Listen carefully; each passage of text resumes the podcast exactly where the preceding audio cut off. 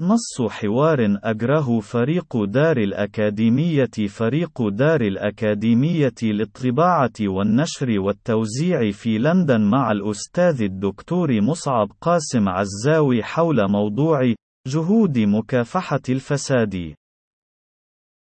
فريق دار الأكاديمية ما هو رأيك في جهود مكافحة الفساد التي تتصدر وسائل الإعلام بين الفينة والأخرى، وتكشف بها الحكومات في غير موضع من الخارطة الكونية عن أشخاص فاسدين تقوم بمعاقبتهم لإظهار التزامها المطلق بمكافحة الفساد في دولها؟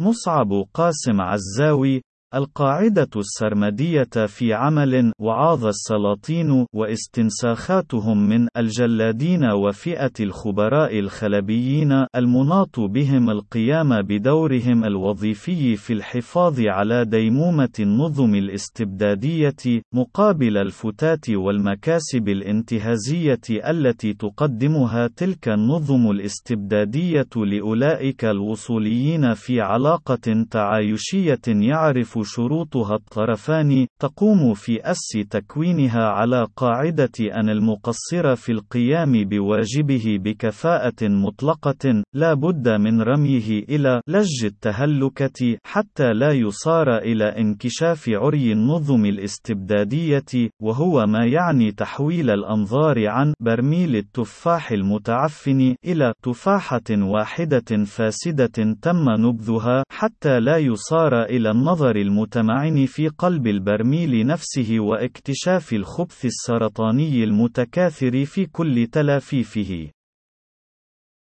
وتلك المعادلة يعرفها كل القائمون بشؤون الفساد والإفساد وإدامة الطغيان والاستبداد في أرجاء الأراضين، وبغض النظر عن كون ذلك الاستبداد فجنا باستخدام الحديد والنار وسراديب التعذيب والإفناء الجسدي، أو كان مقنعا بقشرة من الديمقراطية التمثيلية لأغراض التزويق والتنميق،